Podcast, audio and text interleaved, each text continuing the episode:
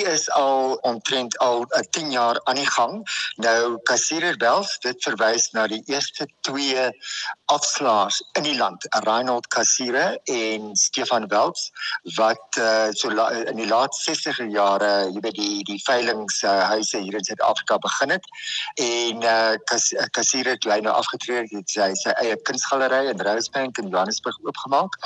Uh en uh, Kassire was natuurlik getroud met Nadine Gadamer en uh hulle het dit goed gedink, uh, jy weet toe Stefan Wels nog gelewe het, uh, het hulle dit goed gedink om 'n kunsprys uit te loof vir 'n uh, belowende jong kunstenaar.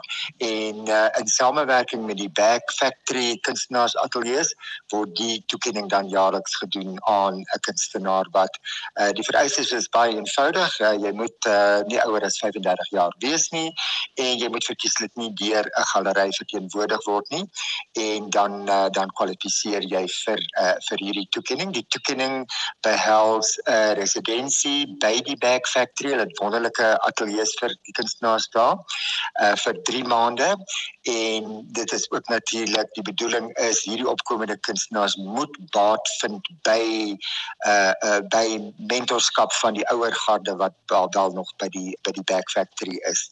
Uh en dan 'n uitstalling aan die einde van die 3 maande residensie daar. Julle noem dit 'n toekenning. Hoe verskil dit van 'n kompetisie? Want want is dit 'n kompetisie of uh, nader julle die kunstenaars of hoe werk dit? Ja, die uh, dit uh, dit gaan uh, gewoonlik um, onder leiding van die Back Factory wat dan 'n kortlys saamstel en uh, van jy weet gewoonlik so 20 kunstenaars wat hulle nou ek dink is verdienstelik en dan word die kunstenaars bespreek in 'n komitee. Daar is twee lede van Straas and Company wat uh, ook op die komitee dien en dan ehm um, besluit ons gesamentlik aan 'n kortlys van vier kunstenaars en dan daaruit word 'n wenner aangewys. So so dis gewoonlik die prosedure. Vertel my van vanjaar se wenner. Goed, hy is weer vanjaar is die eerste jaar wat ons die uh hierdie benoeming ehm um, uit ehm um, uh oopgegooi het vir die res van Afrika. Gewoonlik die afgelope 9 jaar was dit net beperk tot Suid-Afrikaanse kunstenaars, jong Suid-Afrikaanse kunstenaars, maar hierdie jaar het ons dit nou uh die hele kontinent uh, uh geadverteer en ons het net 'n handjievol, ek moet jou nou eerlik sê, ons het net 'n handjievol uh inskrywings gekry. Ek dink was dit 2 of 3. Uh en toevallig het hierdie Nigeriese kunstenaars na uh, Samuel uh, Norom uh, Kobowater uitgestaan by die ander en toe is die prys aan hom uh, oorhandig. Ja want ek het sy CV gesien, hy het 'n hele paar ander kompetisies al gewen. Dis reg, dis reg. So so hy is jy weet die eh, die die tendens is nou maar deesdae om uh, uh baie nou te kyk na wat ons noem kontemporêre Afrika kunstenaars. Jy weet dit mm. is uh op al die kunstfeeste wêreldwyd uh soek almal en kyk almal uh, na dit in uh jy weet die kompetisies en die boeke wat gepubliseer word. Dit fokus alles op uh, die kontemporêre Afrika kuns. Jy weet so dis nou ons oomblik uh in die kollig uh so te sê ons kontinent. So so ek was glad nie verbaas nie. Jy weet hy uh hy het by die universiteit van uh, Nigerië studie uh studeer. Um, en dan die jong kunstenaars is baie lief om hierdie residensies te doen en op sy CV sal jy sien, jy weet hy is 3 maande hier en daar, 3 maande daar in die hele wêreld vol. Jy weet hulle rits lekker. Uh en uh, so dit is dis hoe die jong kunstenaars, jy weet die wêreld verken en met ander kunstenaars uh uh, uh, uh in, in verbinding tree en 'n naam vir hulle self maak. Jy weet so soos ons soos ons sê, jy weet een van die vereistes is uh uh om nie deur 'n galery nog nie deur 'n galery verteenwoordig te word nie en ek is seker hy gaan hy gaan opgeraap word. Is dit 'n spesifieke kunswerk waarna jy kyk of is dit is dit 'n reeks kyk jy na alles ja. wat hulle doen of hoe werk dit?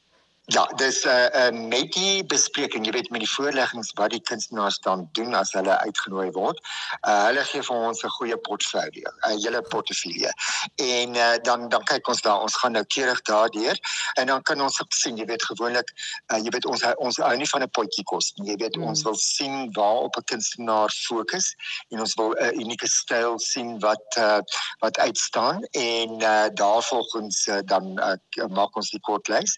Uh so so ons kyk na die hele portfolio en dan uh, dan die volgende stap as die mense die kortlys haal uh, dan uh, vermaak hulle ook spesifieke werke.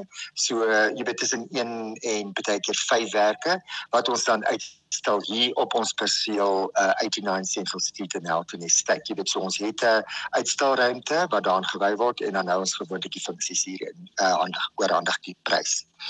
Vertel my van van Samuel se werk want ek sit nou met 'n paar van sy foto's hier voor my en jy ek weet nie eintlik hoe om hoe om dit te verduidelik nie. So ja ja nee nee nee, nee ek, ek blameer jou nie Christel want dis nou een van die eienskappe van kontemporêre kuns.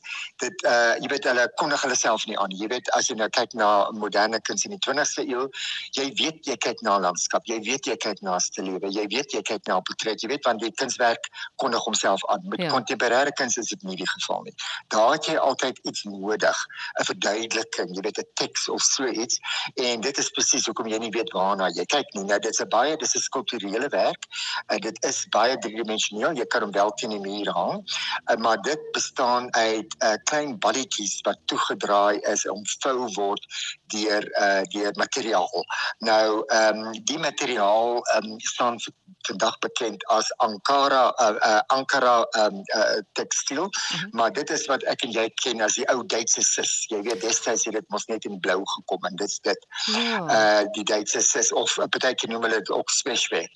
Maar in Afrika is daar 'n hele tradisie van hierdie baie kleurryke uh bedrukte uh sis uh baie uh, uh harde en nou geweefde uh, katoen materiaal met baie helder kleure en uh, uitspattige patrone en die aan. En dan uh, trek hy nou hierdie balletjies daarmee oor en dan sit hy nou saam uh, in so 'n werk. So dis asof hierdie hele ding 'n uh, borrel uitborrel jy weet. Mm. so jy met 'n jy met omtrent 'n uh, bewegende aspek in die kunswerk ook sien. Hulle borrel so uit en hulle die kleurkombinasies wat hy gebruik is so fenomenaal en dan tussen en alles in sit hy dan jy weet Afrika objekte soos 'n Afrika masker, 'n Afrika figuur en so iets. So met daarna wil hy verwys na die tradisionele Afrika kuns, maar ook hoe dinge verander het van die ou tradisionele byvoorbeeld Duitse sis tot vandag die Ankara se se se tekstiel. So so dit is deel van Afrika, dis uit Afrika, dit sê iets oor Afrika. Hmm. Dit is waaroor sy werk gegaan. Kyk dit dis baie indrukwekkend en en soos jy sê die kleur het my dadelik opgeval. Dit dis regtig mooi kleure. Hoe hoe kyk julle, hoe bepaal julle 'n wenner? Ek meen as julle nou na na sy werk gekyk het, wat het gemaak dat dat hy gekies word as wenner? So so ons kyk uh, natuurlik kyk ons na die onderwerp uh, en die kortlys, jy weet uh, die kortlys was daar uh, uh, baie interessante werke, jy weet soos kontemporêre uh, fotografie van werkers veral hierdie uh, jy weet wat uh, uh, die die die mense wat al die plastiek in die uh, blikkies uh, aluminium blikkies in die versamel en dan weer die herwinnings uh, uh, mense wat jy in die strate sien jy weet. So so daar was 'n hele reeks foto's van dit wat ook uh uh uniek is aan Suid-Afrika ek dink en hoe die goed herwin word en so aan so hy was 'n uh, ek dink 'n 'n 'n close uh, second as ek dit so kan noem. Mm. Uh uh maar hier soek ons ons ons kyk iets vir iets vindingryks, iets wat kunstsinnig is, iets wat estetiese waarde het, uh iets wat oorspronklik is, uh maar iets wat ook uit 'n uh, uh, uh, aanloop het, jy weet en hier kom ek weer terug na die gebruik van tekstiel. Tekstiel is um iets wat uh, kontemporêre kunst kunstenaars baie uh, uh, aansluiting by vind dieselfde met klei byvoorbeeld en keramiek jy weet so dit word dan ook 'n uh, ander tipe van medium wat die kunstenaars gebruik. Jy weet dis nie net die konvensionele uh, verfkwas en olie en doek nie. So so ons kyk of daar vernuwing is in die tegnologie uh, in die tegnieke en die medium. Ons kyk of daar iets uh, vernuwend is in die boodskap wat hy oorlaat en sy werke sluit natuurlik aan die gebruik van 'n uh, uh, uh, tekstiel. Sluit natuurlik aan aan 'n baie bekende uh, Britse kunstenaar wat ook uh, toevallig in Nigerië gebore is, Yinki Sonibare. Nou wat uh, Jeentjie Sonibare byvoorbeeld doen is hy gebruik uh, 19de eeuse fotos uh, of uh, skilderye, jy weet mense met die Victoriaanse uh, uitrustings en wat ook al. En dan uh, vervang hy hulle Victoriaanse materiaal met sy Duitse sis, met sy uh, Ankara ehm um, ehm um, uh, uh, uh, tekstiel. So so dan het hy hele uh, tabloos wat hy saamgestel het, jy weet herskep dit so te sê.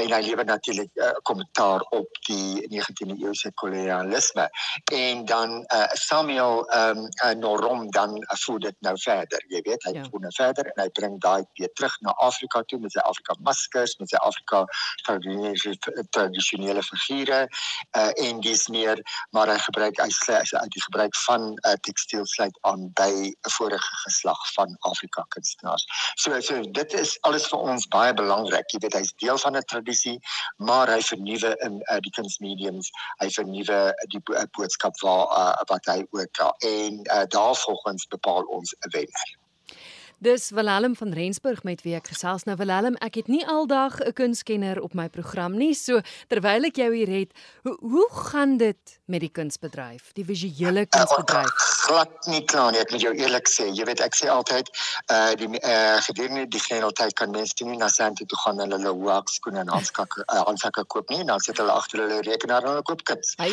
So uh ons belewe 'n absolute oplewing. Ehm um, ons uh, uh ons mark groei, ons kopers groei. Ons het 'n geweldige aanbod van kuns, die kunswerke stroom in ons by ons kantore, maar daar's ook 'n geweldige aanvraag daarvan. Jy weet hulle kom in en hulle gaan uit. Uh dit is absoluut verbasend uh en natuurlik uh met die digitaliseringsproses wat ek dink alle besighede maar moes doen uh gedurende die grendeltyd het ons uh mark geweldig ver, uh uh ver, verbeter en versprei. Jy weet dit is nie net Suid-Afrikaners nie. Ons het kopers van reg oor die wêreld. Uh China, Australië, ehm um, uh, Engeland, Amerika, jy weet so die die die uh departement by ons wat die vinnigste groei is die logistieke departement want hulle verskep die hele hmm. tyd reg oor die wêreld. So so ons het uh, eintlik kan ons nie kla nie. Ons ek moet jou eerlik sê terstel. Kan jy agterkom dat temas wat kunstenaars aanraak verander het? Ehm um, uh, jy weet ons kan die die saak dat jy dit vra jy weet want mense sou dink dat jy weet mense meer in kenne geraak het meer op hulle self ingekeer het gedurende die tyd maar, maar ons sien dit nie in die kuns wat geskep word nie. Jy weet kyk, jy moet ook onthou dat ons is nou nie eintlik op die voorpunt nie. Dit is natuurlik die primêre mark, die gallerye en die kunshandelaars wat wat die jongste werke van kunstenaars nou natuurlik bemark en stoot. So ons is bietjie, jy weet ons kom tweede in die ry so te sê, maar ons uh, departement van kontemporêre kuns groei wel uh, en ons sien ons sien jy weet uh, dat daar ook 'n uh, belangstelling is in in in in contemporánea casi.